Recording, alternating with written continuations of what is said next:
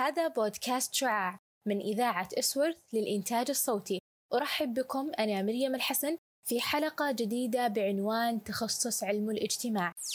يهدف تخصص علم الاجتماع إلى خلق من الطلاب باحثين وأخصائيين ومرشدين اجتماعيين من خلال منحهم المعلومات التي من شأنها أن تجعلهم على دراية بالأساسيات والبنى والظواهر الاجتماعية للمجتمعات سواء على المستوى المحلي أو الإقليمي أو العالمي من أجل فهم السلوك الإنساني وتحليله.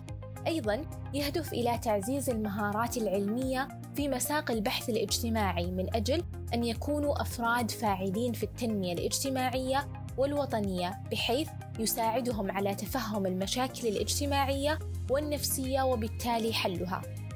ويمكننا تعريف تخصص علم الاجتماع على أنه أحد العلوم التي تشبه إلى حد كبير علم النفس فكلاهما فرع من فروع الفلسفة والتي تسمى أم العلوم حيث أن علم الاجتماع يهتم بدراسة الشكل الخارجي للإنسان وسلوكه الإنساني.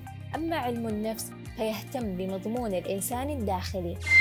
شروط القبول في جامعة الملك فيصل الحصول على الشهادة الثانوية العامة بنسبة لا تقل عن 75% للطلاب والطالبات. اجتياز اختباري القدرات والتحصيلي من المركز الوطني للقياس والتقويم. للطلاب تكون النسبة الموزونة 50% من المعدل التراكمي لشهادة الثانوية العامة و50% من درجة القدرات. أما عن الطالبات فتكون النسبة الموزونة 50% من المعدل التراكمي لشهادة الثانوية العامة و40% من درجة اختبار القدرات و10% من درجة الاختبار التحصيلي. كذلك أن يحصل الطالب أو الطالبة على نسبة موزونة 70% فما فوق للدخول في المفاضلة على القبول. عدد سنوات الدراسة هي أربع سنوات دراسية تضم 128 ساعة دراسية. أما عن المحتوى الدراسي لتخصص علم الاجتماع فيضم مواضيع متعددة عن اختلاف المجتمعات في الماضي والحاضر وعن كيفية تكوين المجتمعات القديمة والحديثة وغيرها من المواضيع المتعلقة بالفرد والمجتمع.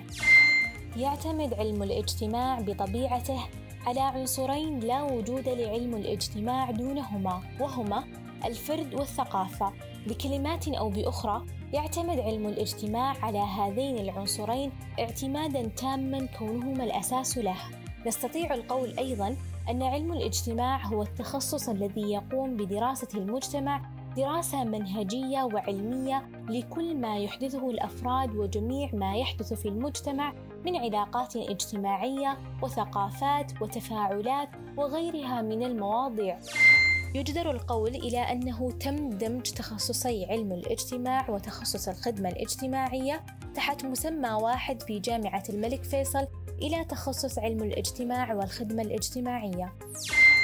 تتنوع الفرص الوظيفية لتخصص علم الاجتماع ويعود ذلك إلى تنوع المواضيع التي يتطرق إليها هذا التخصص فتشمل الوظائف وفرص العمل المجالات التالية مجال الإذاعة الكتابة في مجال السياسة والاقتصاد والنقد مجال الشؤون الدولية مجال الإدارة مجال التربية والتعليم مجال الصحافة والإعلام البحث الاجتماعي الإرشاد والتدخل الاجتماعي في مختلف مجالات الأسرة وأخيرا الموارد البشرية. في الختام نشكر لكم حسن الاستماع شاركونا آراءكم ومقترحاتكم وانتظرونا في حلقاتنا المقبلة. كنتم معي أنا مريم الحسن.